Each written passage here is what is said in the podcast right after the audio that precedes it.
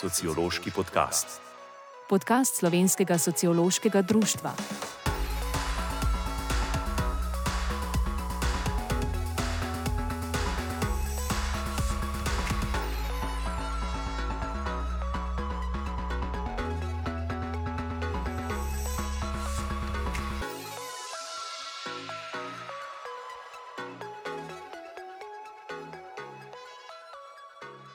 Pozdravljene, pozdravljeni v sociološkem podkastu. V izdaji osebno je gostja Mateja Sedmak. Mateja, pozdravljena. A sem ta priimek pravilno prebral, ker sem parkrat zasledil, da so te kje v javnosti predstavili tudi kot Sedmak. Ja, pravilna naglasitev je sedmak. In te ne moti, če te kličemo sedmak? Ne, ne, ne moti. Zakaj pravila nam pač naglasi, naglasitev? Zato, ker uh, moj priimek izvira iz uh, križa, to je na italijanski strani, gre za državski križ. Torej, gre za obmorsko mesto, kraško mesto, in ljudje, ki živijo tam, bi sami sebe naslovili z sedmak, ne pa sedmak. Ne? Čeprav bi rekla, verjetno tisti, ki izhajate iz centralnega dela Slovenije, ne seveda naglašujete nekoliko drugače. Ali pa malce bolj severno, zgorensko. Ali pa tako. Ja, ja, tako. Torej, Mateja Sedmak uh mhm. -huh. je sociologinja, znanstvena svetnica na znanstveno-raziskovalnem središču Koper, kjer vodi inštitut za družboslovne študije. Je tudi urednica revije Anales, članica vrste komisij in svetov na področju raziskovalnega in akademskega dela vodja številnih raziskovalnih projektov, avtorica odmevnih znanstvenih monografij in člankov, svoje sociološko znanje prevaja tudi v časopisne kolumne, ki jih objavljajo primorske novice. Je pa tudi vodja sekcije za medkulturne študije pri našem društvu, kjer je trenutno tudi podpredsednica Slovenskega sociološkega društva.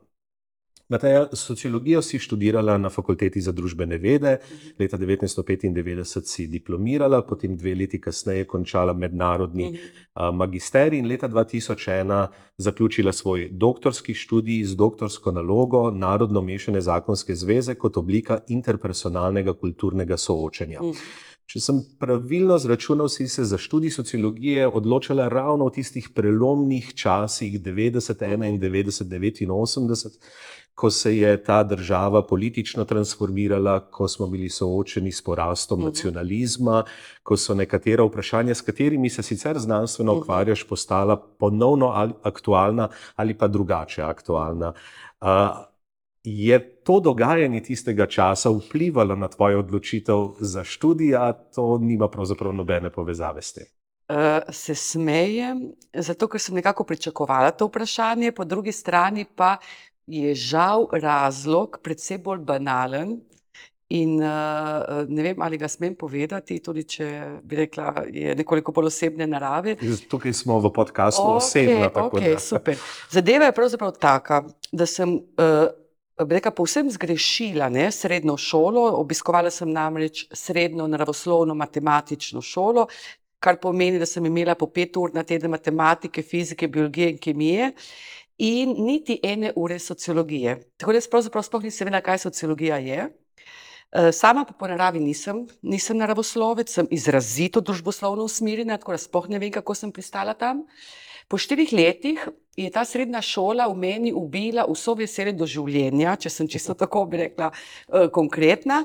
Tako da sem poleti odšla potovati in nekje na začetku septembra sem iz Španije klicala mojo najboljšo prijateljico z enega takega preka obskurnega telefona, ker takrat ni bilo mobitelov, pa tudi drugih načinov, bi rekla, hitrejše komunikacije ne, in jo prosila, da naj me upiše kamorkoli pač se ona odloči. Moja najboljša prijateljica, ki me je bolje poznala kot je sama sebe, ne, se je odločila, da bi glede na mojo pač naravo, karakter in tako dalje, eh, da bi mi ustrezalo novinarstvo in sploh ne bi zgrešila. Jaz sem dejavno, dejansko zelo gobčna, zelo rada govorim, zelo rada nastopam, eh, družboslovne teme so mi blizu. Ampak je naletela seveda na to vero, da je bil pač fakulteta za novinarstvo povsem zasedena, septembra se seveda ni, ni dalo nikamor več upisati. In me je uh, upisala na drugi program na tisti fakulteti, ki je bil še prost, in to je bila sociologija informatika. Ko sem jaz prišla iz Španije 20. septembra, sem ugotovila, torej, da sem upisana na takratni FS, uh, PN, uh, smer sociologija in informatika in iskreno. Nisem vedela, kaj pomeni beseda sociologija, in nisem vedela, kaj pomeni beseda informatika. Ker to so bili še tisti časi, ne, ko v bistvu informatika, računalništvo in tako dalje, bilo vse skupaj še zelo v povojih. Tako da sem svoj študij sociologije začela zelo na suho, naivno. Po enem mesecu sem ugotovila, da je to, kar sodi pod področje sociologije, izjemno zanimivo in da sem se znašla na neki točki, ki mi zelo ustreza. Torej, stvari, ki sem jih slišala, stvari, ki sem jih konzumirala, so bile to po čemer sem krepenela, ampak mi jih nihče predtem ni dal. Informatika sem ugotovila, da je spet nekaj s tem presnetim naravoslovjem. Tako da sem po enem mesecu šla v, v to našo kadrovsko službo in prosla za premestitev na katero koli drugo smer ali program. No, in takrat mi je, mislim, da je bila Nita, mi je svetovala, da se lahko pišem na smer sociologija analitika. Jaz sem pri svojih 19 letih, čisto iskreno povem, nisem vedela, kaj pomeni beseda analitika, tako da prav tako sem se ponovno prepisala neko smer, za katero nisem vedela, kaj pomeni, ampak je pa boljše zvenelo kot informatika. Tako da jaz sem začela svoj študij tako, no, na sociologiji, analitiki, brez kakršnega koli predznanja. Mogoče bi še to povedala Roma. No, jaz sem potem mogla vložiti res izjemno veliko truda, da sem nekako dohitela vse tiste sošolce in sošolke, ki so pa študirali ne na takratno, oziroma so hodili v srednjo šolo takratno družboslovno in so imeli res že izjemno dobro podlago in predznanje. Potem se mi zdi, da vem odgovor na vprašanje zdaj aktualne razprave, mm. ali se lahko na fakultete upisujejo mm. tudi tisti, ki ne prihajajo mm. iz gimnazijskih mm. programov, pač pa iz različnih strokovnih srednjih mm. šol. Konec osnovne šole je mm. verjetno prehitro čas za odločitev, kaj bo človek študiral in delal v življenju. Jaz osebno mislim, absolutno da, tudi na podlagi, bi rekla, izkušenj, ki jih imam s svojimi otroci, bi rekla, da je to mal prezgodaj. Je pa še en moment. Depol so bekate čisto uh, osebne, mikro zgodbe, zakaj se nekdo kam odloči. Zase lahko rečem, jaz sem v resnici že vedela, kam bi šla po osnovni šoli, ampak me starši v njihovi, rekla, dobronamirni usmerjenosti tja niso pustili. Ne. Ena varianta je bila seveda, ne vem, oblikovna v Ljubljano, rekli so ne, iz Kopra ne greš nikamor, druga je bila srednja kmetijska šola. Če sem čisto iskrena, tja pa me spet oče ni pustil, ker je sam agronom in je ocenil, da, da, da ni perspektive v kmetijstvu. Dobro, torej razpad Jugoslavije, nacionalizem, vsi ti zanimivi so sociološki ne, fenomeni niso imeli nič pri odločitvi za sociologijo. Kaj ja. pa je bilo potem tisto, kar te je preve, privedlo do narodno mm. mešanih zakonskih zvez, ja. kar je mm. postala potem tema tvoje doktorske ja. naloge? Ja, tako. Uh, Jaz sem v bistvu zadnji dve leti posvetila temam, ki se ukvarjajo z torej, socialno politiko. Ne? Socialna politika in socialni razvoj je bila neka ožja usmeritev, katero si lahko izbral v zadnjih dveh letih študija. Torej, nasplošno je bila moja afiniteta ne, do teh tem, uh, reka sociologija družine, mikrosociologija, uh, vse te stvari. Potem pa sem se pri doktoratu nekako probala bolj specializirati, ože usmeriti uh, in mislim, da je pa tukaj mal prevladalo, bi rekla, okolje, oziroma vpliv okolja, v katerem sem živela. Ne. Torej, izhajam iz Kopra, gre za multikulturno okolje, okolje, v katerem živijo avtohtona italijanska manjšina, torej slovenci, slovenska torej, etnija in pa priseljeniške skupnosti. Gre za obaljno mesto, upeto med hrvaški in italijanski prostor. To pomeni, da prehod teh meja je bil vedno prisoten, poleg tega imamo tukaj luko, kar pomeni vedno neko odprto okno v svet. In pa priseljevanje ne, ljudi iz nekdanjih, eh, torej iz Republike nekdanje Jugoslavije, ki so prihajali zaradi eh, reka, potrebe po povečani, torej po ekonomski delovni sili. Ne. Takrat so se po drugi strani vojni seveda tukaj vzpostavljali Luka, Tomos, Lama, Cimo, vse te tovarne, ni pa bilo delovne sile, tako da so jih z avtobusi, pravzaprav se spomnim še kot otrok vozili, ne, delavce, torej fizične delavce, um, nizko izobražene iz območja nekdanje Jugoslavije. To je ta preka kulturni preplet je bil za me vedno zelo doma, zelo mi je bil blizu. Recimo moji sosedi mojega otroštva, ne, to so bili Makedonci, Italijani, večinoma starejše italijanske ženske, Hrvati, Srbi, zelo veliko Srbov zaradi takratne, bi rekla, prisotnosti vojske, carine, ne, to so bili pač bi rekla, poklici, ki so privabljali ljudi iz, iz nekdanjih delov Jugoslavije. Konec koncev moj, moj oče, njegova družina, kot rečeno, izvirajo, so zamejski slovenci, izvirajo torej iz italijanskega kulturnega prostora. Vse te stvari so mi bile blizu, nekako sem jih živela kot samoumevne, potem pa sem nekako združila, bi rekla, to samoumevnost vsakdanjega življenja z, bi rekla, nekim profesionalnim zanimanjem, ne. In tukaj so se, bi rekla, skupaj stkali, ne, bi rekla, vprašanje, sociologije družine, sociologije vsakdanjega življenja in pa te, ta prisotnost nacionalizmov, narodnih manjšin, večkulturnosti, in to sem pol nekako naslovila v doktorski disertaciji s to temo življenja v etnično mešanih družinah, ne, kaj to pomeni za starše, otroke, identiteto, pripadnosti, jezik in tako naprej. No, nekaj o tem bova rekla še v nadaljevanju. Ja.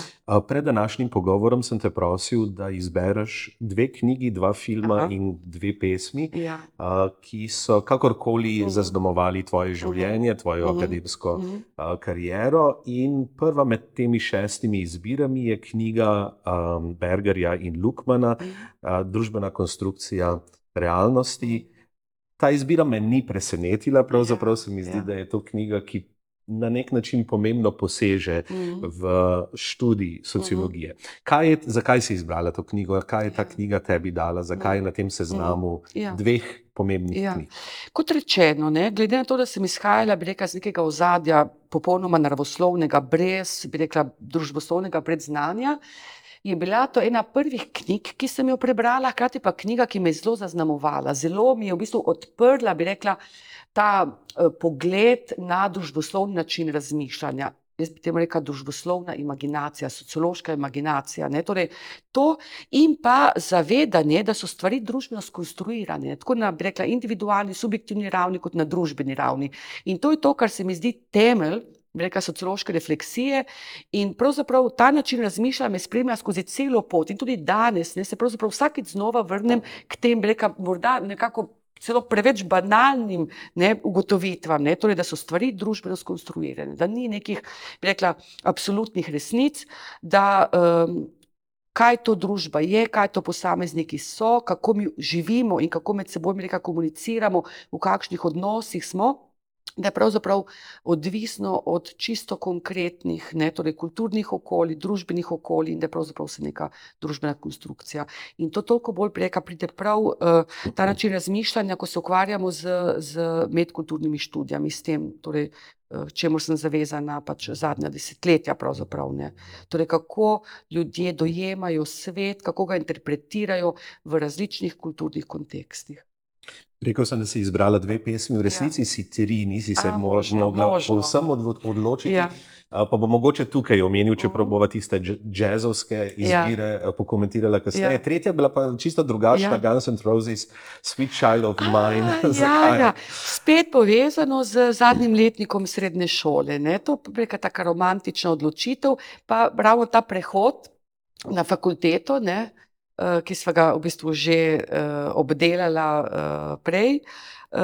Konec srednje šole, bi rekla po eni strani srečno nesrečnega obdobja, srečnega, ker gre pač za neko lepo mladostniško obdobje, popolnoma nesrečnega, ker so me popolnoma zamorili s temi naravoslovnimi vsebinami, ki pa so mi mimo grede vseeno prišle potem prav pri statistiki. Ne.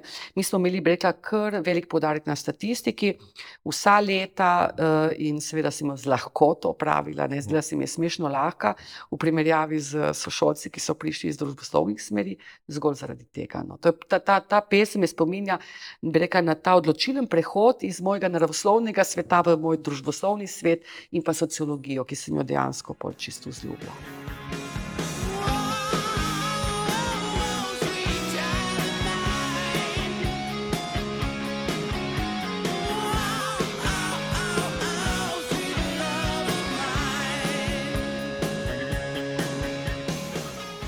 V sociološkem podkastu osebno je gostja Mateja Sedmak. Mateja, že prej smo malce govorili ja. o vprašanju multikulturnosti. Uh -huh. uh, Angela Merkel je znamenito uh -huh. ne, pred leti, mislim, ja. da leta 2010, dejala, da je uh, projekt multikulturnosti v Nemčiji uh -huh. mrtev, oziroma uh -huh. da ni bil uspešen. Zdaj to njegovo, njeno izjavo ljudje interpretirajo na dva različna uh -huh. načina. Večinska interpretacija uh -huh. se zdi, da je ta, da je rekla, da multikulturnost kot, tak, uh -huh. kot taka ni možna, da je to koncept, ki pač ne, politično ne zdrži.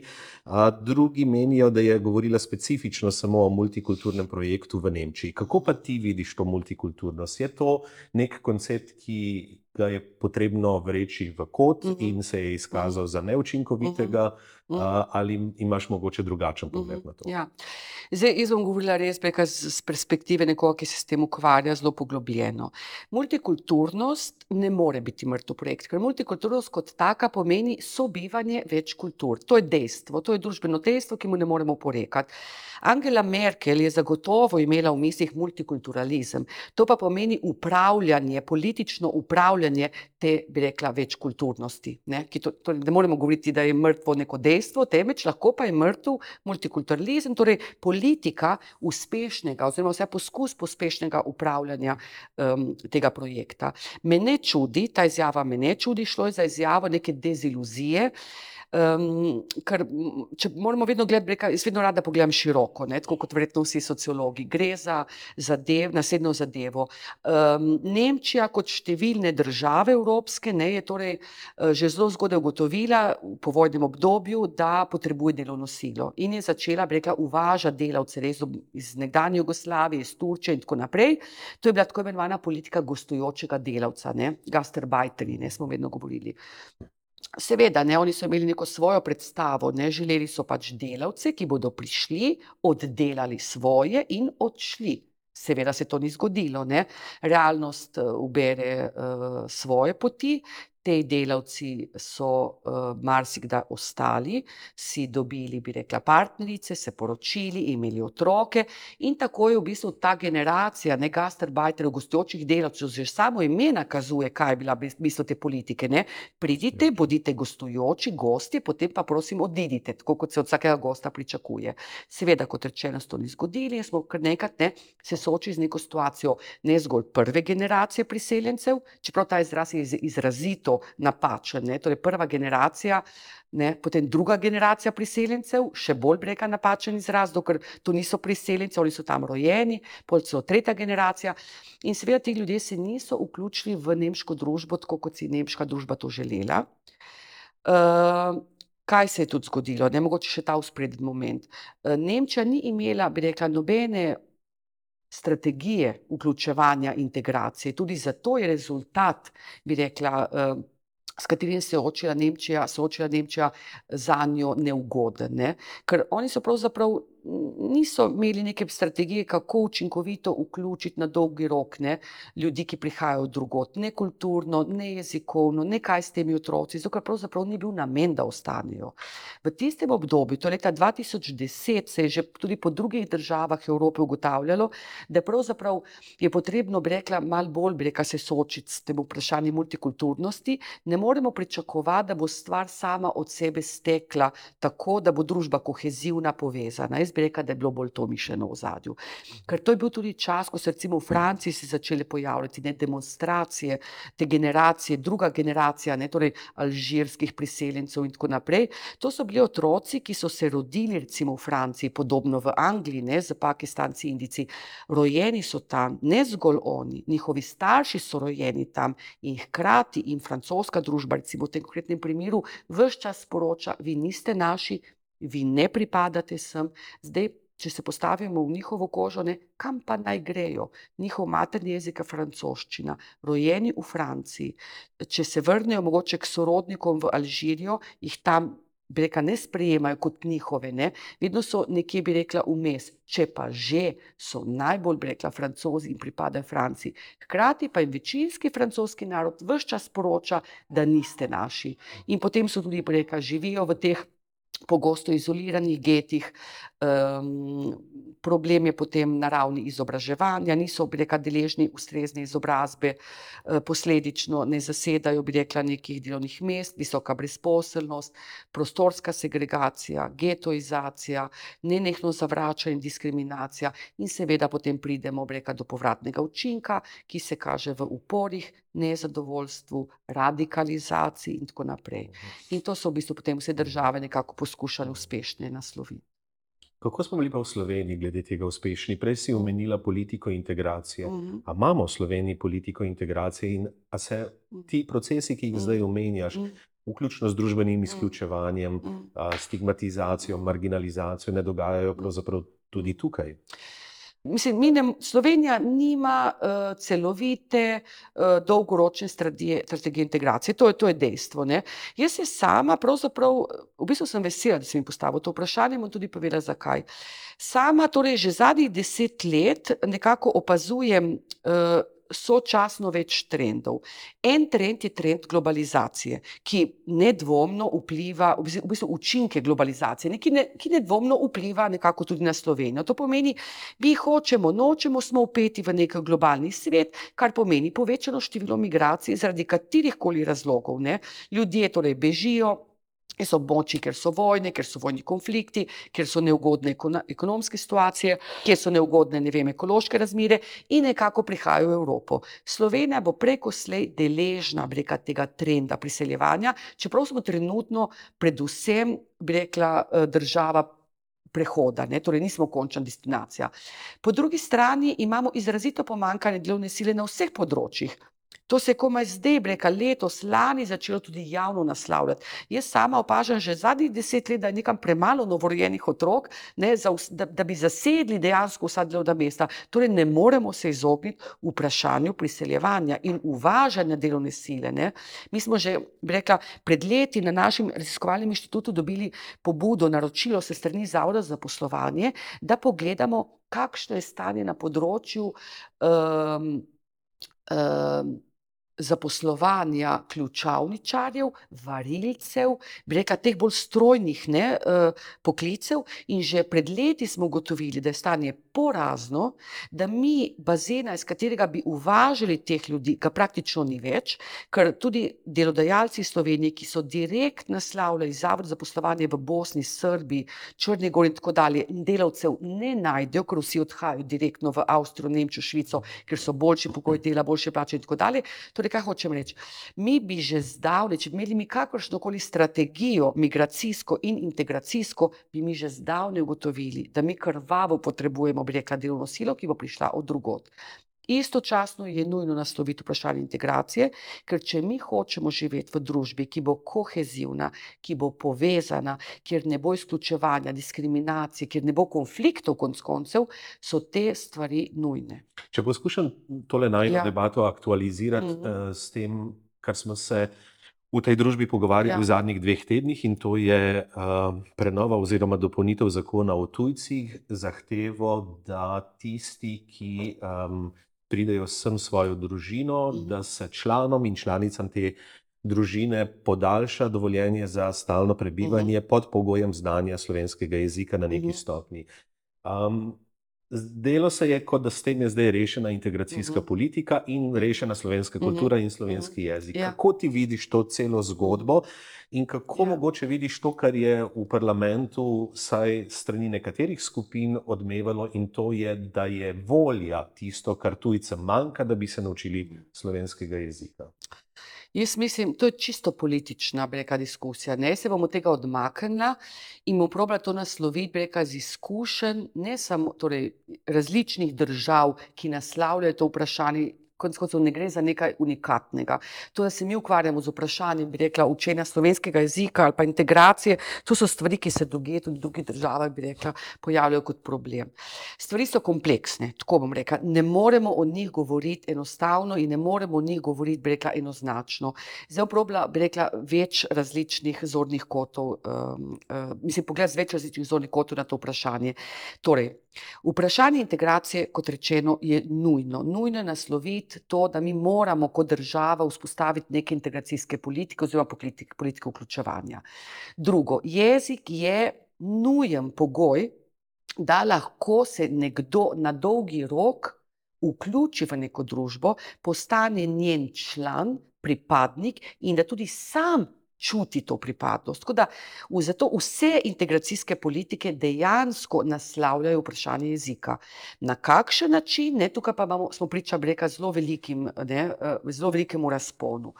Potem naslednja stvar, samo o jeziku, ne, torej govoriti samo o jeziku in osvajanju jezika je absolutno premalo. Jezik je nujen, je pomemben, ampak ni pa edini pogoj. In potem imamo še celo drugo, bi rekla, paleto kompleksnih situacij. Tudi pri nas, ne, rekla, jaz si upam trditi, da ko mi govorimo o tem, da se morajo priseljenci naučiti slovenskega jezika, če jaz spremljam to politično diskusijo, ne po medijih, pa potem izjave raznih županov v Kranju in tako dalje, oni imajo v mislih zelo specifične priseljence. In to so priseljenci iz območja nekdanje Jugoslavije, iz Kosova, Severne Makedonije, ki govorijo albansko. Zato, ker mi imamo trenutno v Sloveniji zelo veliko tujcev iz severnih držav. Iz uh, zahodnih držav, ki govorijo angliško ali pa slabo slovensko, pa so lahko, ne vem, že zelo dolgo pri nas, pa se to ne problematizira.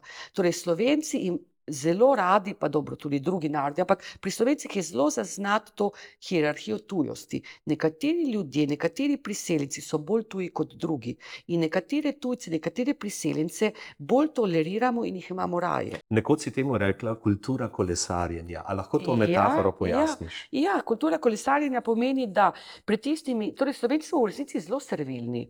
Slovenci smo v resnici zelo servilni, kar pomeni, da tisti, ki jih dojemamo kot več vredni, to so največkrat res tisti iz zahoda in severa, sklanjamo glavo, medtem ko tisti, ki jih dojemamo kot manj vredni, to so dejansko balkanske države, jug, ne, torej naša nekdanja Jugoslavija, pa potiskamo navzdol. In to se odraža tudi v odnosu in pričakovanjih, kaj pomeni integracija, kaj pomeni jezikovna integracija.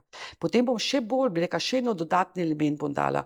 Mi imamo, bi rekla, lokalne skupnosti, v katerih vidimo, da, da eh, vprašanje večkulturnosti, večjezičnosti pravzaprav ni noben problem in tipičen primer je slovenska Istra ali pa mogoče prekmurska. Ne, tradicionalno se je tukaj govorilo slovensko in italijansko usporedno in sočasno. Trgovka te je nagovorila v slovenskem jeziku, ti si jo kot, vem, tisti, ki kupuje, nagovori v italijanskem in bi rekla, ni bil noben problem, ker je bila bi rekla politika te večjezičnosti zelo prisotna. Ne? Ker vemo, italijanski jezik je eden torej od uradnih jezikov, ki se ga lahko uporablja. Eh, Zdaj, pri, če se vrnem ne, na integracijsko politiko, seveda bi prvič, integracijska politika mora nasloviti celo družino. Absolutno. Torej, tako tistega, ne vem, ki dela, tako tiste, ki ostanejo doma, to so, bi rekla, zelo pogosto ženske v primeru, ne, eh, tis, eh, recimo, če gledamo konkretno albanskih družin, do otrok. Integracijska politika mora biti stanovanjska politika. Mora biti politika izobraževanja, politika zaposlovanja in tako naprej. Problem, ki ga imamo v Sloveniji, je tudi ta, da še vedno nismo zavesti v dovolj veliki meri, da se integracijska politika mora izvajati na lokalnih nivojih. Vse dobre prakse iz tujine kažejo, da integracijska politika je lahko kot neko zakonodajno načelo sprejeta na ravni države, ampak nujne so lokalne prilagoditve. Zato, ker konkretno, ne vem, če mi gledamo primer, pač kolikor sem ga uspela brati v Kranju, je problem s tem, da se, se vsi nekako obdregnejo v to, da prihaja do prevelike koncentracije Albancem na majhnem prostoru in je potem to problem. Ne? Zdaj, seveda, to je del stanovanske politike lokalnega okolja. Tudi sama osebno menim, da koncentracija ene etnične skupine, katerekoli na nekem konkretnem okolju ni dobra, da je boljša breka razpršenost oziroma boljša je breka mešanost različnih etničnih skupin. Ne. To se je dogajalo skozi, bi rekla, v povojnem obdobju v Kopru. Čim pa prihaja do koncentracije ene etnične skupine, smo pa že zelo blizu temu, čemur v ameriškem kulturnem prostoru ne pravijo getoizacija, prostorska segregacija in getoizacija. Gre za dvosmeren proces. Po eni strani ne se sami odmikajo ne, in se v bistvu prostorsko izolirajo, po drugi strani pa večinska skupnost v bistvu izloča in prihaja potem do, do getoizacije, do getov, v katere pač ne vstopa. In potem, seveda, pri nas na ta način, kot je bilo Ameriki, ki zadeve ne morejo biti izpeljane, ker gre tam za dejansko zelo številčne italijanske skupnosti, in potem imamo italijansko četrt, kitajske skupnosti, kitajsko četrt in tako dalje. Pri nas, uh, ker ni te, bi rekla, množičnosti, pa k večjemu prije do še večjih tenzij. Ampak recimo to situacijo v Kranju, ki jo omenjaš, Ja. um, in hkrati s tem stanovansko problematiko, kako pristopate zdaj k tej situaciji? Na kakšen način? Ja, zdaj to se zadeve seveda niso enostavne, ne? ampak recimo zdaj jaz tudi nisem, ne vem, občinarka, ne poznam, bi rekla, v, v, v detajle celotnih, bi rekla, stanovanjskih politik in tako naprej. Kot laik z področja stanovanja, ampak kot tisti stanovanjske politike, ampak kot tisti, recimo, ki se ukvarja z, z večkulturnostjo, bi rekla, da bi bilo smislo, da bi na lokalni ravni občine, ko gradijo neka stanovanja, neke, neke rekla, stanovanjske soseske, ne socialna stanovanja, skrbele za to, kdo se umesti v ta stanovanja. Bom dala primer Danske.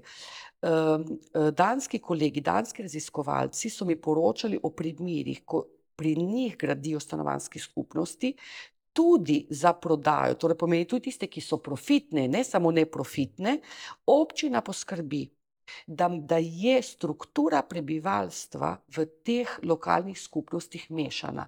To pomeni, če tudi gre za, rekla, profitna stanovanja, ki si jih lahko privoščijo samo dobro stoječi, istočasno mora biti del stanovanj namenjen, rekla, eh, socialno šibkejšim družinam, družinam z otroci, mladim in priseljencem, s ciljem, da se stanovanjske soseske oblikuje, bi rekla, na čim bolj heterogen način. In to se mi zdi recimo rešitev.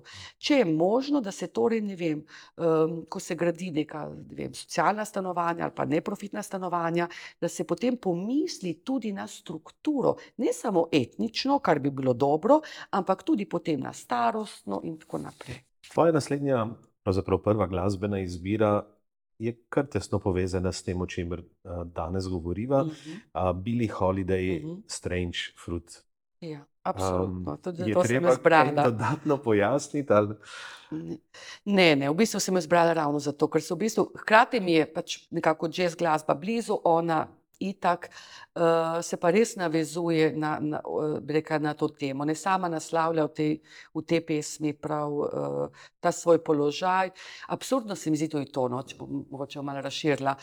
Uh, kako uh, je večina, ne, v tem primeru belska večina, sprejemala manjšino, v tem primeru pač uh, uh, črnorasno manjšino, samo v primerih, ko je njim ustrezala. In to se je dogajalo skozi zgodovino in se dogaja tudi danes, tukaj in zdaj. Mi sprejemamo, bi rekla, pripadnike drugih jezikovnih skupin, drugih religij, drugih, vem, uh, um, ras, čeprav ne. Raz bi rekla v narekovajih, zgolj do tiste točke, do katere nam ustreza in ugaja nekim našim predstavam. Bili Holiday in vsi glasbeniki tistega časa ne, so bili sprejeti samo, uh, dokler so bili v funkciji zabave belske večine, dokler so vedeli, kje jim je mesto. In dokler so se vrnili, ne, tiste točke, ko so se vrnili tja, kjer jim je bilo mesto, ne, ko so nas nehali zabavati. Ne. In gre za eno res tako, bi rekla, kruto, kruto zgodbo. In opozorila bi še to, ne, sem vsakeč znova zgrožena, ko ugotovim, da številne pesmi, ki so jih izvajali znani, bi rekla, popularni bendi, ne konc koncev Rolling Stonesi, so pravzaprav pesmi, ki so jih predtem izvajali črnski izvajalci, so pesmi ne bluzovskega, bi rekla, ozadja.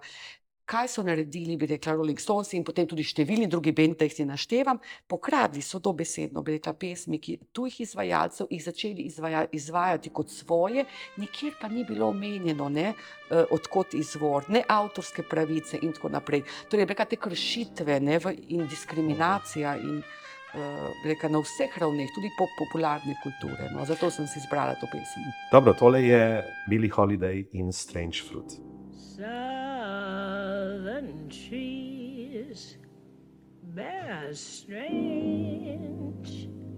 fruit. Blood on the leaves and blood at the root.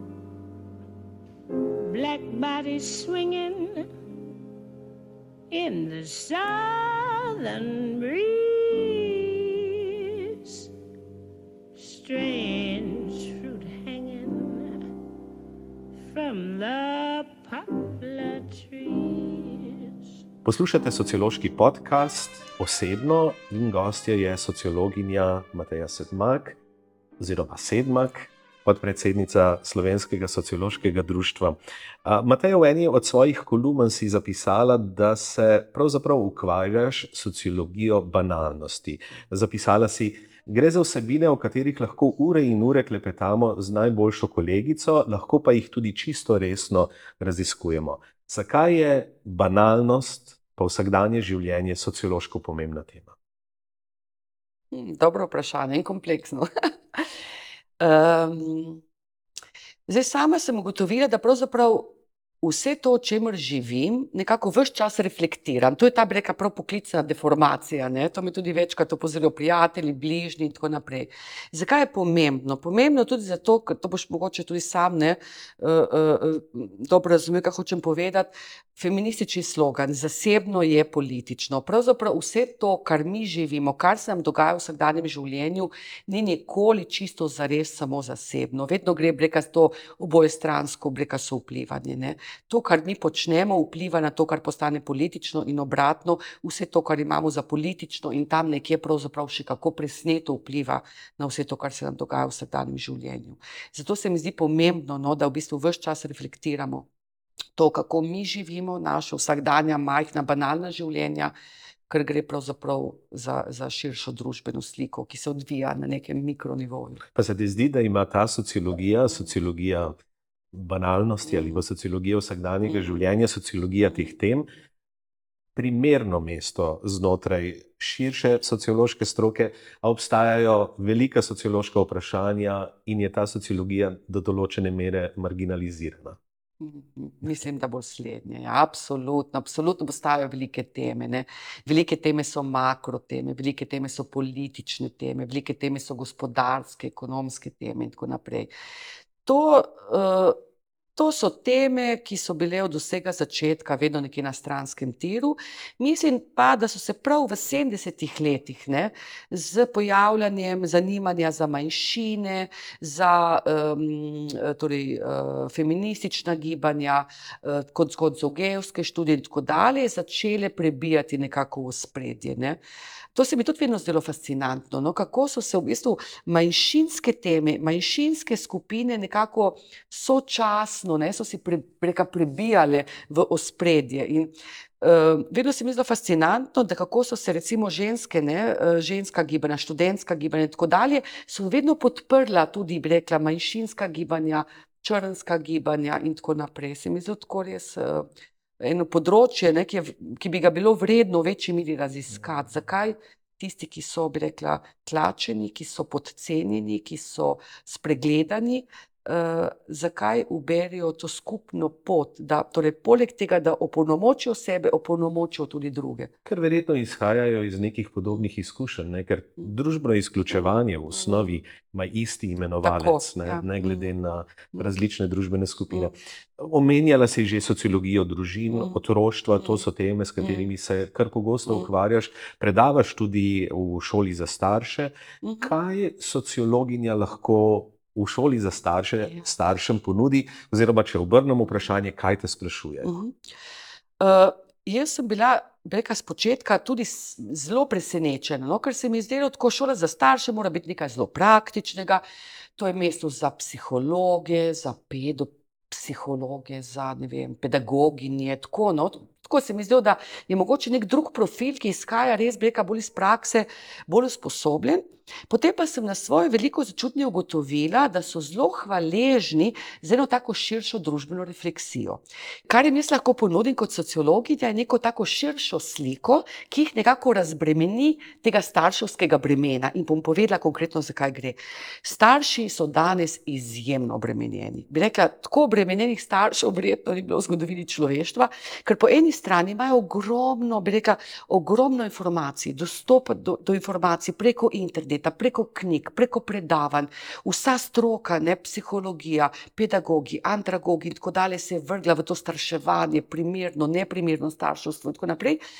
Mi, sociologi, pa nekako lahko ponudimo ta pogled, torej, da smo mi vsi zdaj, bi rekla, v neki družbeni realnosti, v kateri se je zgodil individualizem, v kateri se je zgodilo otrokosrediščno sro- otroštvo in, in starševanje in tako naprej. In to je tisto, kar jim jaz ponudim. In to nekako starše razbremeni. Niso vedno samo oni sami odgovorni za vzgojo ali pa za to, kar počnejo, ali pa za to, kar se od njih pričakuje, ker so pravzaprav upeti v neko širšo, rekla, v širši družbeni moment. In če mi živimo v otrokosrediščni družbi, je zelo težko svojo vzgojo iti, rekla, proti temu toku. Ker če pogledam, po eni strani od tebe pričakujejo, da, bo kot, da boš kot starš v prvem razredu pregledoval otroku torbo, sledil vsemu temu, kar počne. Ne smeš ga spustiti samega ne, v šolo, ti ga moraš spremljati, če ne lahko pokličeš še center za socialno delo. Torej, ti kot starš, bi rekel, si soočen z nekimi povišanimi standardi skrbi. In hkrati si tukaj zelo obremenjen, nesrečen, eh, ne zmoreš več, prevelika odgovornost. In jaz, kot sociologinja, jim lahko pač nekako ponudim, bi rekla, to refleksijo, ne, da enostavno niso sami vedno odgovorni za to, kar se jim dogaja in kar se od njih pričakuje, ker je družbeni pritisk tak. Torej, če imamo mi otrokosrediščno šolstvo, otrokosrediščno socialno politiko, socialno delo in tako naprej, ti kot starš ne moreš, bi rekla, začeti dovolj zgodaj z vzgojo k samostojnosti in k odgovornosti, kot se je morda lahko nekako pristopilo 20 let nazaj. Po drugi strani pa praviš, da otrokom pravzaprav lahko naredimo največjo škodo, če iz otroka naredimo projekt. Absolutno. Ampak ravno vse to, o čemer zdaj govoriš, Mhm. zahteva od staršev, Ja, da je otrok Ja, projekt. ja, absolutno. Ja. Gre za tako sprevrženo situacijo. No. Širša družba nas usmerja v to, da je otrok projekt, nas usmerja v otrokosrediščno vzgojo. Ne. Uh, tako da, ja. In tukaj mi, kot sociologi, lahko bi rekla, reflektiramo tudi te negativne vidike. Morda bi še to izpostavila, no, ko si omenil, pa si mi spomnil. Ker v bistvu otrokosrediščnost je večinoma tretirana kot nekaj pozitivnega. V pedagogiki, eh, v, če gremo mi na pedagoško fakulteto in pogledamo reka, njihov predmetnik, je otrokosrediščnost nekaj dobrega. To pomeni, končno smo mi neki izobraževalni sistem prilagodili otroku, njemu bližje, njemu prijazno. Tudi v psihologiji je otrokosrediščnost naslovljena kot nekaj pozitivnega. V medicini Zgolj sociologi smo začeli otrokosrediščnost reflektirati tudi bi rekla, skozi ta spektr, ne, da morda pa ima ta otrokosrediščni pristop tudi negativne vidike. In kaj so ti vse negativni vidiki? Recimo, to je ne, bi rekla, sociološki prispevek. No in potem, kakšnih 20 let se zgodi to, kar se je zgodilo tebi, kar tudi opisuješ v eni od svojih kolumen, da je na govorilne ure na fakulteti poleg študentke prišla še mama in ob tem zapiše sledeče. Individualizem, ki ga promovira kapitalistična družba, nas prepričuje, da je samo najbolje dovolj dobro za nas in naše otroke. Ni več dovolj biti povprečen, končati povprečno šolo in imeti povprečno službo, povprečno življenje. Naša dolžnost je strmeti k več, se realizirati, delati na sebi, biti izstopajoči, posebni. Tudi zato je prava izbira tako pomembna. Ampak A je lahko res naš cilj povprečno življenje? Roman, jaz sem ti povedala, kako sem izbrala fakulteto.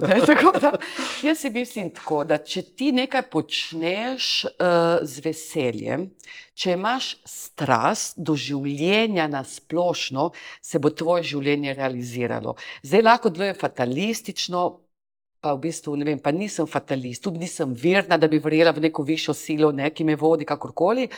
Jaz mislim tako, da če ti res stvari počneš, ne vem, z dušo, s srcem, se jim posvetiš, eh, da imaš neka zanimanja, kakršna koli so že, jaz mislim, da te življenje popelje, no, da boš dosegel tisti maksimum, da ni potrebno vedno se tako zelo truditi, no in načrtno, predvsem to načrtovanje zase, svoje usode, svoje bodočnosti, svojega poklica, pa potem otroke obremenjevati s tem z izbiro prave šole, prave službe, pravih prijateljev, pravih krožkov, se mi zdi res, da v bistvu smo, smo zgrešili no pot.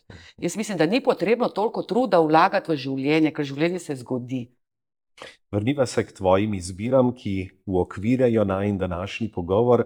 Tole bo prva filmska. Filmi so pomemben del tvojega življenja ali ne prav posebej? Bom rekla, da v zadnjem času ne prav posebej. Bom tudi povedala, zakaj. Zato, ker se mi zdi, da smo tako eh, rekla, bombardirani z to res mainstreamovsko, to ameriško produkcijo, da sem se nekako kar odmaknila. Res pa je, da moja krivda pa je v toliko, no, da nimam dovolj časa, volje in energije po iskanju alternativnih filmskih, bi rekla, rešitev. Žal ne živim v Ljubljani, zato tudi nimam, bi rekla, ponudbe, ne, bi rekla, dovolj raznovrste, ne, da bi si lahko to privoščila, tako da bi mogla pač Mal bolj bi se mogla sama angažirati, ker pa očitno ne najdem rekla, ne časa, ne volje, ne energije, sem bolj prepuščena temu, kar mi je ponujeno, in nad tem nisem navdušena. No, pri, filmski, pri ja. prvi filmski izbiri nisi izbrala filma, izbrala si samo režiserja Pedro Almodovar. Kateri koli film si napisala? Ja, ja, ja. Um, mi si bomo zdaj zavrteli en odlomek iz um, filma Visoke pete, Piensa in mi. Bo v redu ta film, ali bi kakšnega drugega njegovega izbrala?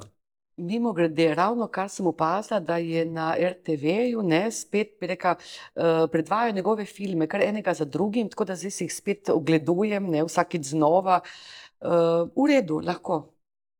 Kakšen poseben razlog, zakaj Pedro Almodovar?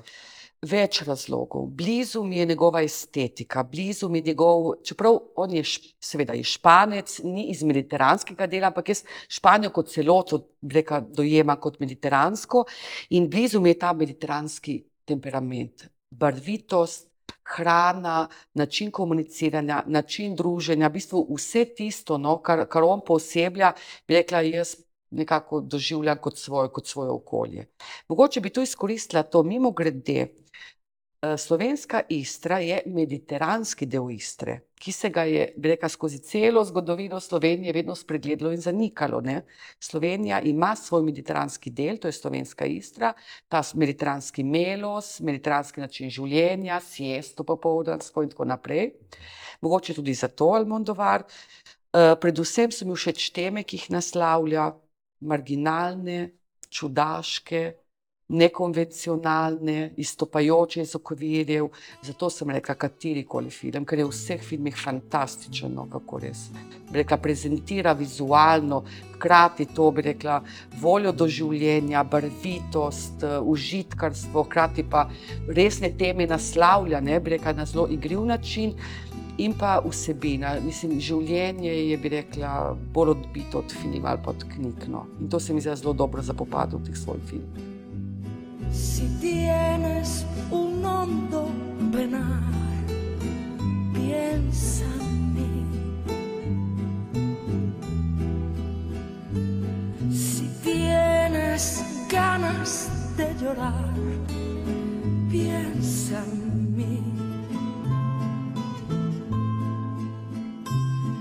Ya ves que venero tu imagen Tole je glasba iz filma Visoke pete, izbira naše današnje gostje, Mateja Sedmak v sociološkem podkastu Osebno. Mateja, sedem let si bila članica Komisije za uveljavitev vloge žensk v znanosti na Ministrstvu za izobraževanje. Uh mhm. -huh. Kot ženska, kot sociologinja, uh mhm. -huh. na kakšne ovire si ali pa nisi uh mhm. -huh. naletela v svoji akademski karieri, v svoji raziskovalni uh -huh. in pedagoški uh -huh. karieri? Ja, torej. Absolutno, tako na prvo žogo bi rekla, da sem imela srečo, morda srečo, morda splet okoliščin. Nisem imela občutka, da bi naletela, bi rekla, res na neke velike ovire. Je pa tudi res, ne zdaj pa sama sebe demantirala, sem pa tudi ugotovila, da sem bila pravzaprav socializirana v nekem obdobju, kjer se teh stvari ni reflektiralo. Jaz sem vedno imela občutek, da sem kot ženska enakopravna in da izhajajoč iz tega nikjer nisem ne vem, doživela kakršnih koli diskriminacij, drugačnih obravnav in tako naprej. Sem pa z leti dojela, da vendarle nekatere stvari, ki so se mi dogajale v preteklosti, so bile, bi rekla, spolno zaznamovane, ampak jih jaz, na žalost, nisem tako dojemala, ker enostavno, bi rekla, mi je umankal ta, ta pogled, ker sem bila socializirana resnično v nekem čisto drugem kontekstu. In bom dala čisto konkret, par konkretnih primerov. Ni šlo za neke, bi rekla, omejitve pri napredovanju ali pa kaj takega, ampak za dejansko neprimerno ne naslavljanje pa zagotovo. Recimo, tekom fakultete. Uh, me je profesor, ne vem, na izpit, torej fakultetnega izobraževanja, tekom eh, torej izpitnega spraševanja, profesor uh, spraševal stvari, ki so se nanašale ne vem, na moj vides, na odnos z očetom in tako naprej. Kar je recimo milo rečeno čudaško, neprimerno. Ne. Danes ne, vem, da je šlo v bistvu za neke vrste, rekla, nadlegovanje, ki, je, na, ki, ki, ki je povezano tudi z mojim spolom. Ne.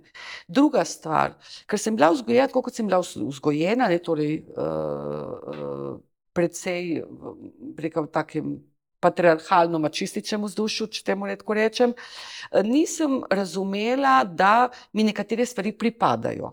Recimo, ne vem, pripada mi vsaj ista plača kot sodelavcem. Če dosežem nekaj izjemnega, če pripada sodelavcu, ne, bi rekla, dodatek zaradi neko izjemno delo pripada tudi meni. Ne vem, ne znam točno ločiti, ali je stvar moje skromnosti bila to, ali je bila stvar moje vzgoje, ne, da nisem bila pozorna na to.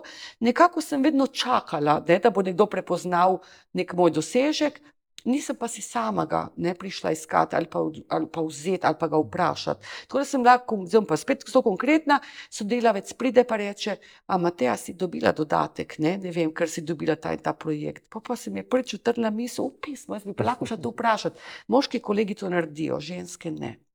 To so te stvari. Ne morem Čeprav pa v reči, resnici bi to pač moral biti avtomatizem. Če se podeljuje nagrado prejemu Ja, nekega projekta, ja, potem ja. spol tukaj ne bi smel igrati vloge. ne. Ja, ampak recimo, če, če, če avtomatizma ni, kar pomeni, ni to uzakonjeno ali pa v kakšnih koli pravilnikih Mhm. zapisano, eh, se meni ta misel sploh ni utrnila kot vem, možna ali pa kot moja pravica, medtem ko moškim kolegom pa se nekako preutrnijo te misli. Ne? Torej, prej so take subtilne stvari, ne?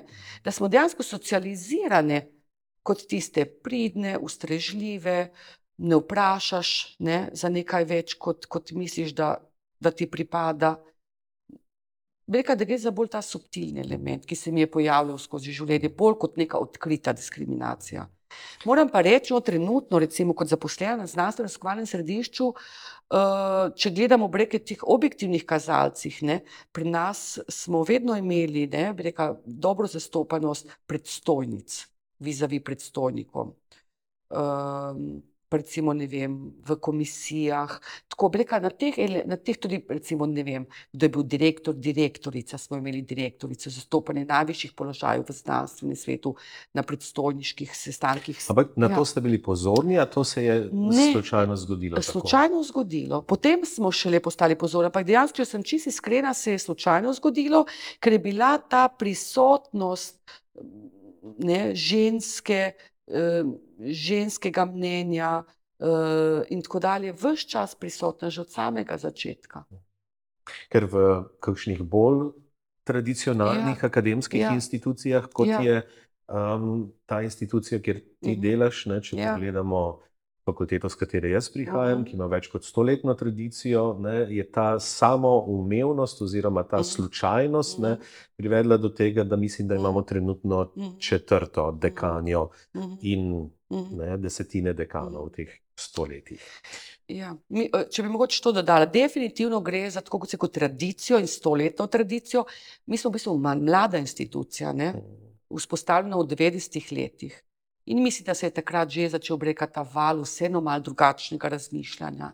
Mal je bolj ta pripomoglo tudi to, da smo imeli prvo direktorico žensko, ne, dr. Lucijo Čok.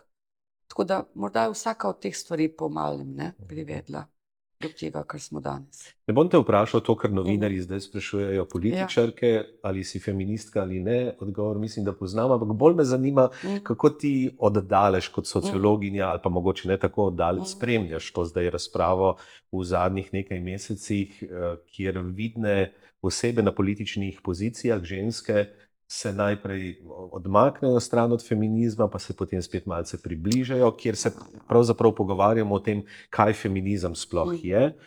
Um, Jaz mislim, da je tako rekel v tem političnem diskurzu. Ne, čeprav seveda javne osebnosti, politično izpostavljene osebnosti bi zelo dobro mogli vedeti, kaj feminizem je in kaj feminizem ni. Mislim, da se v tem, ko se reka, razglašujejo za feministke, pa se v bistvu odmikajo od tega, pa ne samo one, tudi vem, druge osebnosti, ne v kulturi, v, vem, v na različnih ne, bi rekla, sferah. Mislim, da je pravzaprav ta beseda feminizem tako zelo zlorabljena. Ne? Po eni strani, po drugi strani se mi zdi pa, da ljudje sploh ne vejo, kaj pravzaprav pomeni.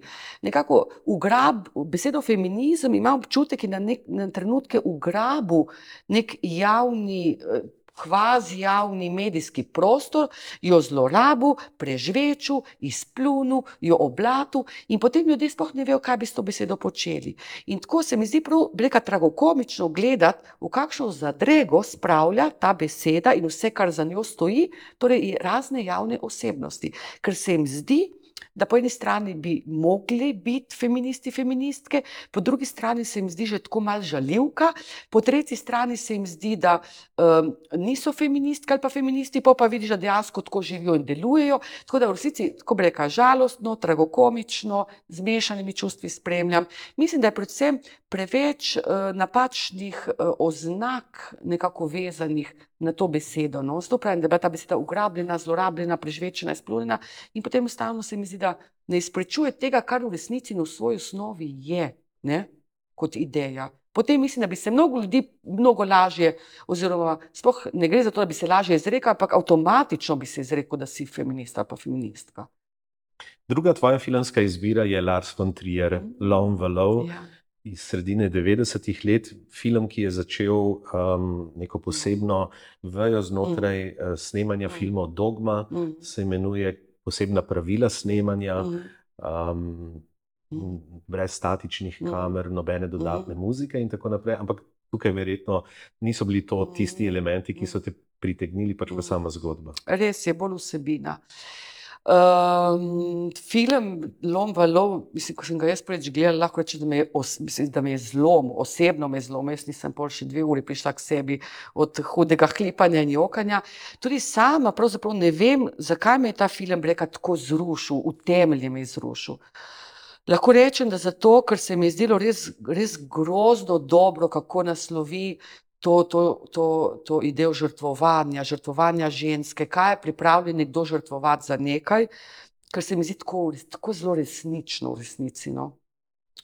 Po drugi strani vprašanje vere, verovanja je tisto, ki me je vedno spremljalo. Um,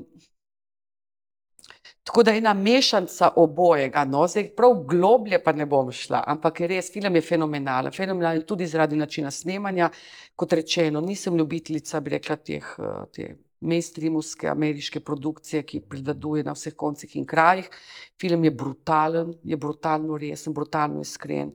Všeč mi je celoten spektr te, te, teh filmov, neki so nastali v okviru dogme v bistvu kako spet naslavljajo teme, težke teme, hude teme in en tak brutalen način. Ampak jaz mislim, da filmska umetnost in umetnost nasploh mora v bistvu biti neposredna, mora biti surova, mora te prizadeti, mora, ne vem, jaz vedno rečem, kot da sem dobila kopijo v srce. Ampak to je to ne. Absolutno sem proti temu, kar se dogaja v zadnjih letih, desetletjih, ne, začenši s temi, bi rekla, knjigami ne, v ameriškem kulturnem prostoru, kjer so se začele pojavljati oznake, ne, lahko vas čustveno prizadene ali nekaj takega, umikanjem celih izsekov iz knjig v imenu neke korektnosti in tako naprej. Tako da to mislim, z grozo spremljam, no, kako daleč hodijo vse te stvari. Omenil sem prej, da v teh filmih znotraj dogme Mm. glasba ne sme biti dodatno nasneta, ampak v eni od scen Mm. v lomu valov je tale. Whiter Shade of Pale se sliši v ozadju in zdaj le v sociološkem podkastu.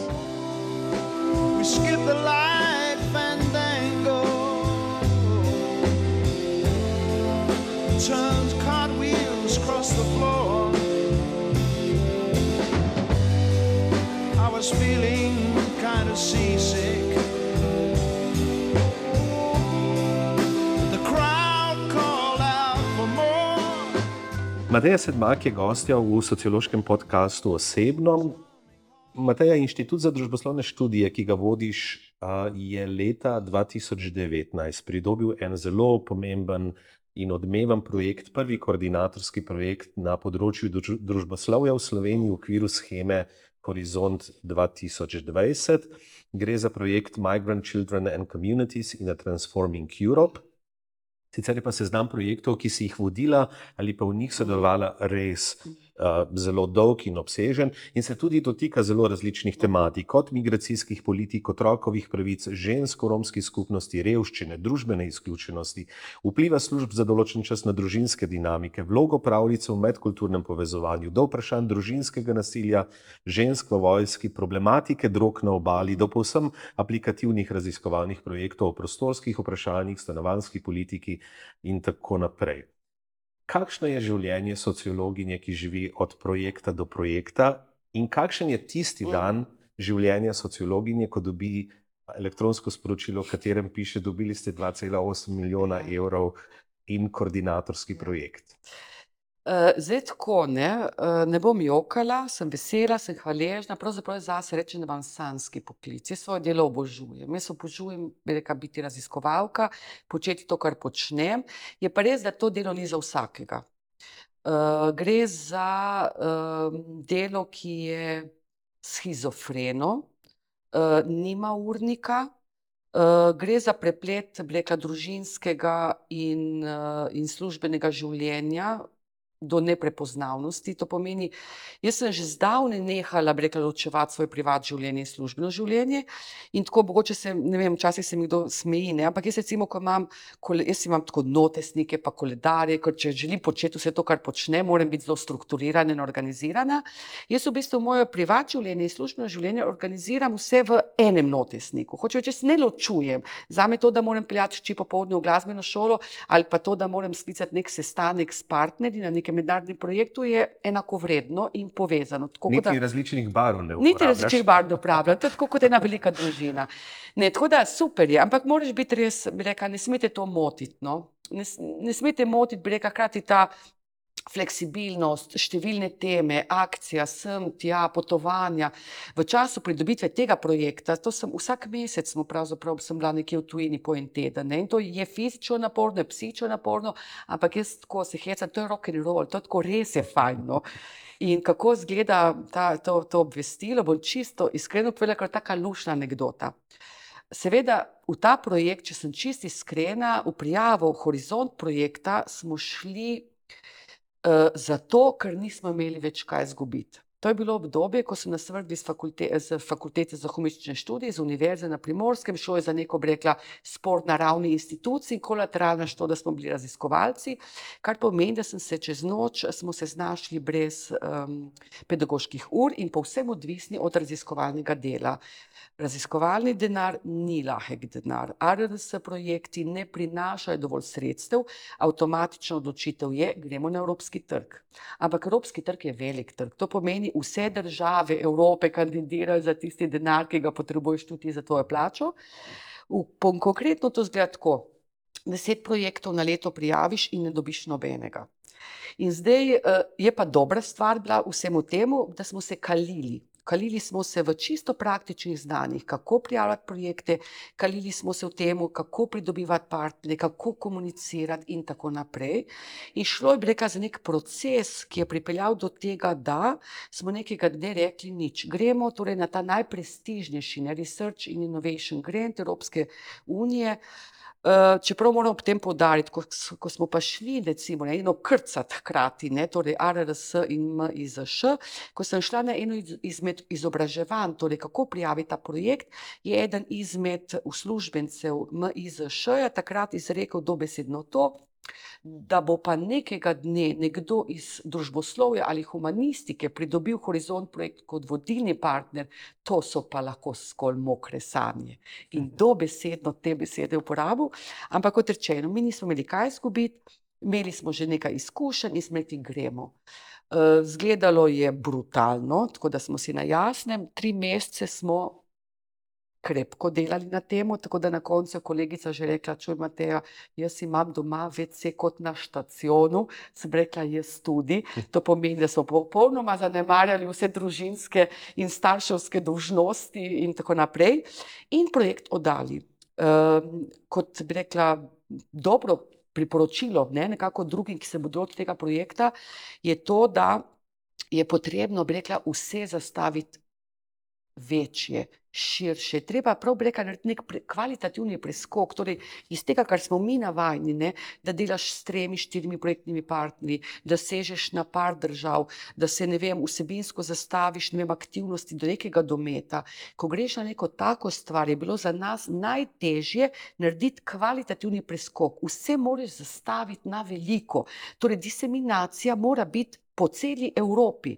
Teren mora biti v petih državah, šestih, še ni dovolj, še v Turčiji, še v Grčiji, še na Cipru, ne vem, ni več dovolj, ne bomo obiskali samo šole, gremo še na teren, gremo v begunske centre, gremo, ne vem, eh, neformalne kampe, kalaj in tako naprej. Torej, bi rekel, vse zelo na veliko. In kljub temu, da smo bili prepričani, da smo zadevo dobro zastavili, in seveda mora biti neka inovativna ideja.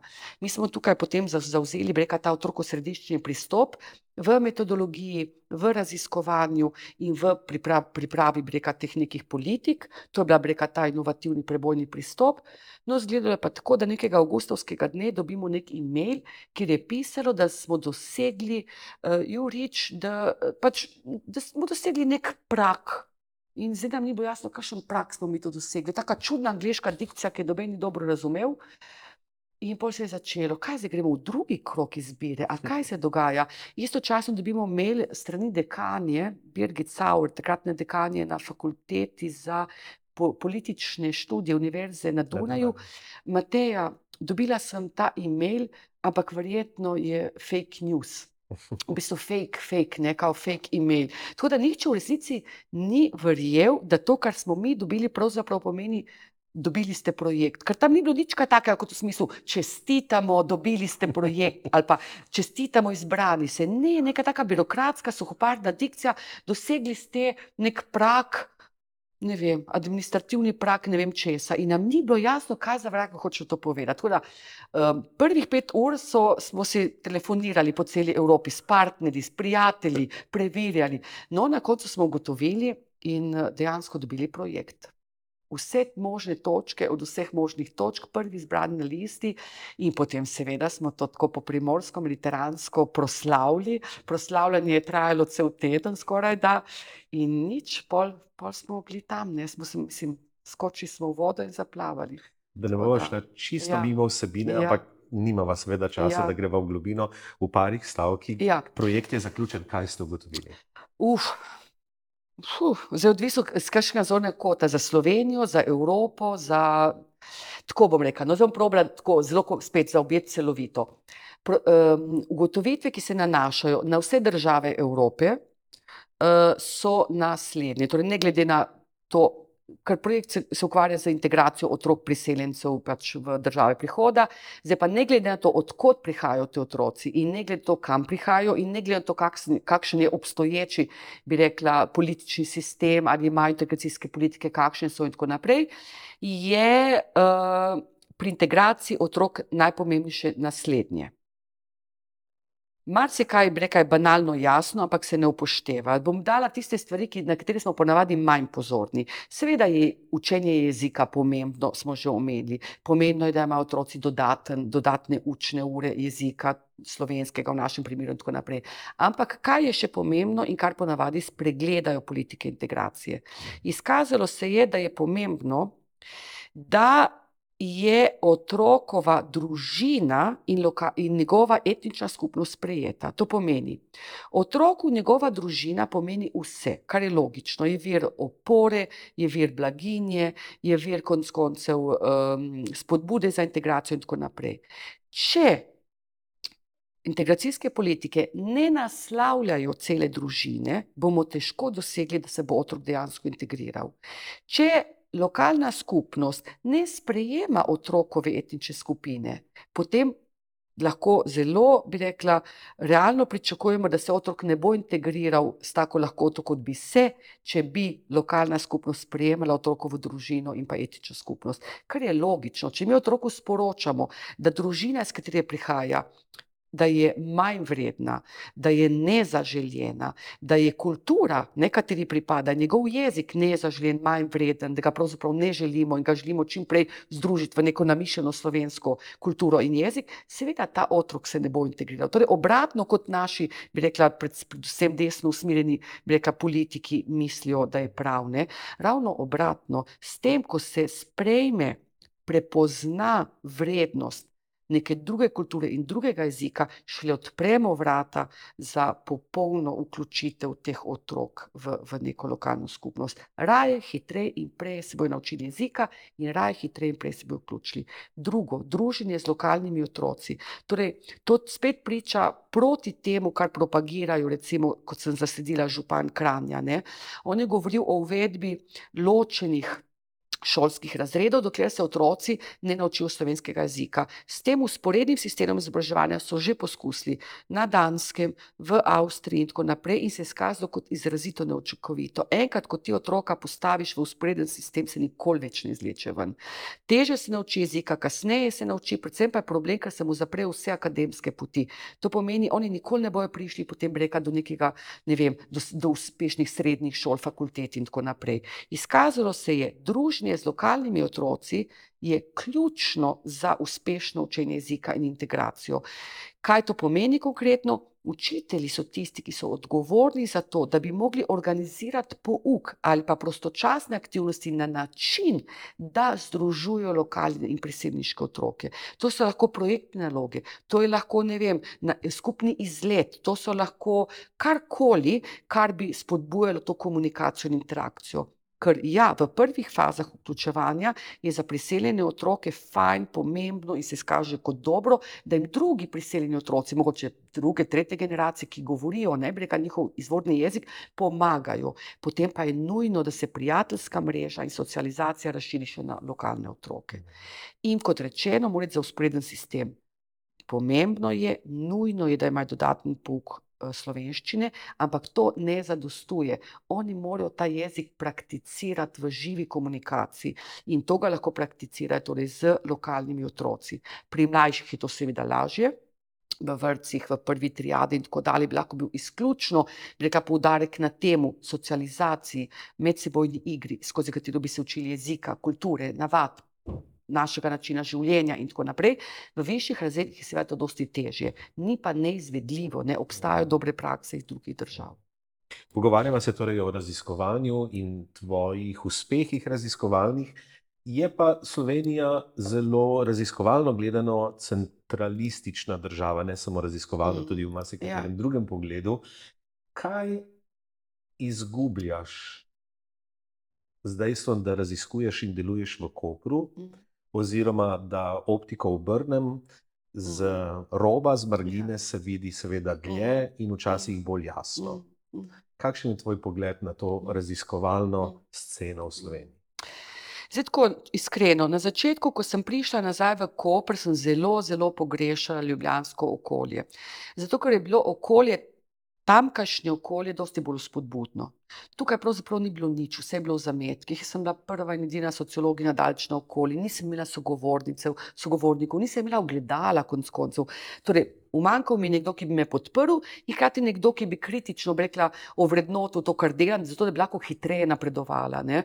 Zdaj govorim čisto raziskovalno. Tako da sem se zelo učila, bi rekla, na lastnih napakah in tako naprej.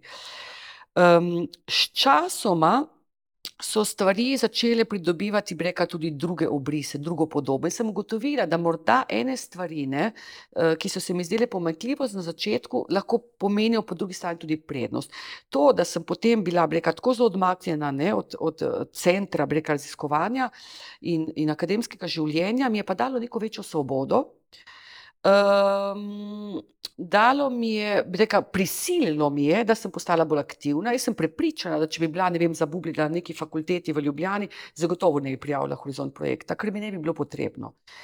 Kar je se dobrega še izcimilo iz tega, je to, da smo se mi dejansko obrnili, bi rekla, v evropski prostor in uh, pridobili res zelo, zelo veliko, bi rekla, prijateljstev, raziskovalnih poznanstev v v številnih državah Evrope in to potem odpira nova vrata in odpira obzorja.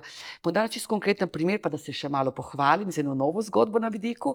S tem, ko smo mi povabili, ne, torej Manchester uh, Metropolitan University kot partnerje na tem našem Horizont projektu, se je povrnilo, rekla, v temu, da po dveh letih skupnega dela, oziroma tri letih, štiri letih skupnega dela, neko so nekako videli, kako delamo in so bili zadovoljni z nami in z našim načinom dela, so nas povabili, da bomo za Slovenijo, torej predstavniki za Slovenijo, pri enem velikem, longitudinalnem 25-letnem projektu, ki se imenuje Guide projekt, to je odraščanje v digitalni Evropi. Gre pa za projekt, ki se bo izvajal podobno kot Share ali pa podobno kot vem, um, European, ne, torej uh, uh, Social Values, torej v vseh državah. Zrcalni projekt in se bo spremljalo 25 let, generacije otrok, dve kohorti, torej novorojenčkov in pa osemletnikov na vsake dve leti, torej kako se spreminjajo. Gre za tako zelo obširno sociološko otrokosrediščno študijo, ki pokriva vsa področja življenja, ne zdravstvo, šolstvo, um, osebni razvoj, družino in tako naprej. Odlično, To, to ti dela da, ne ne. bo zmanjkalo. To ti da, bi rekla, um, če, če, če nisi v, v, v centru dogajanja. No? Nekako te prisili, da moraš bolj migati. Tudi ta boleča zgodba, ki Mhm. si jo prej mimo grede na hitro omenila, pa pustila Ja. jo ob strani, tako ali tako se je končala na sodišču, um, je prispevala seveda k temu, da si iz pedagoških Mhm. vod bolj Mhm. um, Ja. in z večjo nogo pravzaprav Mhm. vstopila v raziskovalne vode. Ampak a pogrešaš kdaj pedagoško delo in kako si kot pedagoginja, sociologinja videla sociologijo znotraj fakultetnega prostora? Ne, absolutno pogrešam. Jaz sem človek, ki rabim stik, človek, ki rada predajam znanje, ki rada izmenjujem, bi rekla, eh, izkušnje, tako da, da absolutno pogrešam predavanja. Zdaj to malček kompenziram s tem, da kot, kot si že omenil, ne, predavam v šoli za starše, to pomeni v vrtcih, osnovnih šolah, srednjih šolah. Vedno se odzovem na vsa predavanja, na katera me povabijo ne, in nekako se to nekako širi glas, pa potem predavam malo tu, malo tam ob raznih priložnostih, vedno v povezavi s sociologijo, seveda. Um, kako vidim? Zdaj, slovenski prostor je specifičen. Ne? Po mojih izkušnjah dela, sodelovanja z univerzami v drugih državah, moram reči, da je, kaj, kaj se mi zdi po eni strani problem slovenskega bi rekel, akademskega prostora, ta, da je zelo statičen. Žal smo majhni, imamo pravzaprav ne vem, eh, tri, če se ne motim, ne, katedre za sociologijo na filozofski fakulteti, na, na FDV-ju, pa v, na Mariborski pač pedagoški fakulteti. In uh, ni, ni izmenjave, ni fluktuacije. S partnerji, s katerimi delam, recimo v angliškem prostoru, pa v španskem, so danes tu, jutri tam, na 3, 4, 5 let zamenjajo fakulteto, zamenjajo univerzo in to dejansko pripomore, bi rekla, k nekim. K neki prevetritvi. Zdi se mi, da smo vsi preveč statični v Sloveniji in Ampak- ni dobro. Ja, to, Hkrati pa temu tega ne moreš preprečiti, ker nas je tako zelo malo in tako zelo malo delovnih mest, tako da jaz to čisto razumem. Ne? greva k tvoji zadnji glasbeni izbiri, Louis Armstrong, Kela Fitzgerald, Foggy Day, če se ne motim, je to z tistega njunega klasičnega Ja, jazzovskega tako. albuma. Um, rekla si prej, da si pogrešala Ljubljano, s tem verjetno tudi to meglo v Ljubljani. ali Ne, to pa ne. ne, ne. To pesem sem izbrala zaradi treh razlogov, kot rečeno, ker pač e, rada poslušam jazz, drugi razlog je spet bi rekla ta rasna tematika, ne, ki me zanima, tretji razlog je pa zelo oseben, je pa moj oče. Moj oče je torej rojen leta 1940, še vedno živeč, še vedno zelo, zelo aktiven. No, on je imel tako hecno glasbeno, bi rekla, mešanico. Namreč po eni strani je, ne, kot vsi pravi slovenci, poslušal Avsenike, po drugi strani je bil pa njegov omiljen glasbeni prav Louis Armstrong. Tako da moje otroštvo je bilo prepleteno s to čudaško mešanico ne, teh dveh zvrsti. Tako da to se pri meni ne izključuje, kot zgleda, ne, ampak res Louis Armstrong v bistvu mi je bil že od majhnega položen v zipko, no, preko ljubezni mojega očeta do njega. through the foggy London town. The sun was shining everywhere. A foggy day in London town. Tole sta bila Louis Armstrong in Ella Fitzgerald, Foggy Day, po izbiri naše današnje gostje, Mateje Sedmak, v sociološkem podkastu. Mateja, na koncu sva. Um, družinsko življenje v najširšem pomenu besede je ena od tvojih, verjetno, osnovnih tem raziskovanja, s katero se ukvarjaš. In če pogledamo statistike, povezane z um, partnerskim in družinskim intimnim življenjem v Sloveniji, kažejo um, številne spremembe, ne seveda samo v Sloveniji, ampak globalno smo soočeni s to transformacijo intimnosti, kot bi temu rekel Giddens. Uh, število zakonskih zvez upada, število razvez raste, število rojstev upada, in vse glasnejši so glasovi, ki govorijo, da potrebujemo urad za demografijo, um, da potrebujemo neke ne, to vrstne politike na tem področju. Kako ti vidiš te trende, te spremembe? Je to z sociološkega vidika razlog za alarm? Jaz bi rekel, tako ni razlog za alarm, nič ni razlog za alarm. Ne gre pač, smo, če smo začeli s to družbeno konstrukcijo realnosti, ne, realnost je, realnost se spreminja, se konstruira, dekonstruira in tako naprej. Jaz mislim, da smo pač v enem od zgodovinskih obdobij, ne, v zgodovini človeštva, živečega v Evropi, kateremu se dogaja nekaj, kar pač ni unikum, je in gre v neko smer. Zdaj jaz ne bi delala panike. Tudi, če bi vem, bila uh, v naši vladi, bi pač rekla, tako je, kaj lahko sedaj naredimo. Torej, čisto pragmatično, neutralno bi kot znanstvenica pogledala in rekla, na leto se rodi 19 tisoč otrok. 19 tisoč otrok je absolutno premalo, da bi nadomestilo recimo obstoječa delovna mesta. Če pogledamo, ne spremljamo uh, uh, glasna opozarjanja šolnikov, kako bo v zelo kratkem času umanjkalo zelo veliko število šolnikov, ker jih je več kot toliko nad, starih nad 50 let. Poslušamo, umanjka, ne vem, cela serija uh, zaposlenih v turizmu. Umanjkajo tisti, ne, ki jih potrebujemo v proizvodni, že prej omenjeno, kot sem prej omenila, ne, uh, od um, vem, ključavničarjev, orodjarjev, varilcev in tako naprej. Skrbstvena dejavnost. Torej, kakorkoli, skrbstvena dejavnost, absolutno, sociala, negovalke in tako naprej, zdravstvo po celi vertikali, ne, od medicinskih sester, negovalk do zdravnikov in specializantov, ne vem, kirurgije in tako naprej. Torej, če imamo na eni strani poklice, ki jih moramo zapolniti, na drugi strani 19 tisoč rojenih otrok na leto, sta možnosti samo dve. Ali imamo kar nekaj vsi več otrok, kar se ne bo zgodilo, ne glede na to, katero politiko pronatalno uvedemo, ali pričenjamo z uvozom, bi rekla, delovne sile. Eh, Številne evropske države, med katerimi je Nemčija, ne, katero smo že preuvedli, je to že zelo zgodaj, bi rekla, eh, zaznala in eh, bi rekla, aktivneje ne, privablja, bi rekla, delovno silo drugot. Nemčija, Nova Zelandija, Avstralija imajo tudi, bi rekla, zelo izdelane te, bi rekla, migracijske politike. Mislim, da nimamo druge izbire. Torej, Slovenija, ne slovenski politiki, škoda je, da izgubljajo čas z diskusijo o tem, kaj narediti, kako narediti, ali bi bilo smiselno narediti, ali povečati mentaliteto. Mislim, da izbire sploh nimamo. V tem trenutku bi mogli vso silo, bi rekla, usmeriti v to, da se izoblikuje zelo dobra migracijska in zelo dobra integracijska politika. Prej si že omenila, kakšna je tvoja raziskovalna Ja. prihodnost, ta nov Mm. projekt, Ja. 25-letni. A si izračunala, boš eh, doživela konec, Ja. boš že v pokoju takrat? Nič v pokoju, to do konca bom mogla, 80 in več let. A je Ja. še kakšna tema, ki te vleče, pa zaenkrat še ni bila na tvoji mizi? Sociološka, seveda. Ha, zdaj si me pa dobil.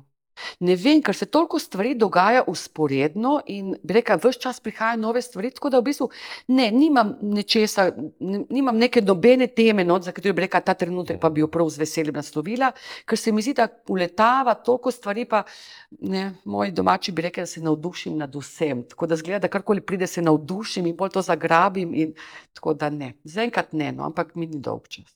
Glede na tvojo zgodbo, kako si vstopila Mhm. na področje sociologije, me skoraj da malce strah zastaviti to zadnje vprašanje, ampak vendarle bom. Zastavi, zastavi. A, Če bi lahko Kaj bi rekla Mateji v začetku 90-ih let, ko si se odločila za študij sociologije? Oziroma, zdaj vemo, da se pravzaprav nisi Ja, odločila, ampak ja. je to odločitev na mesto tebe sprejela prijateljica. Ja. Kaj bi pa tej prijateljici rekla, oziroma ali si kdaj ji kaj rekla? Ne, hvala, hvala.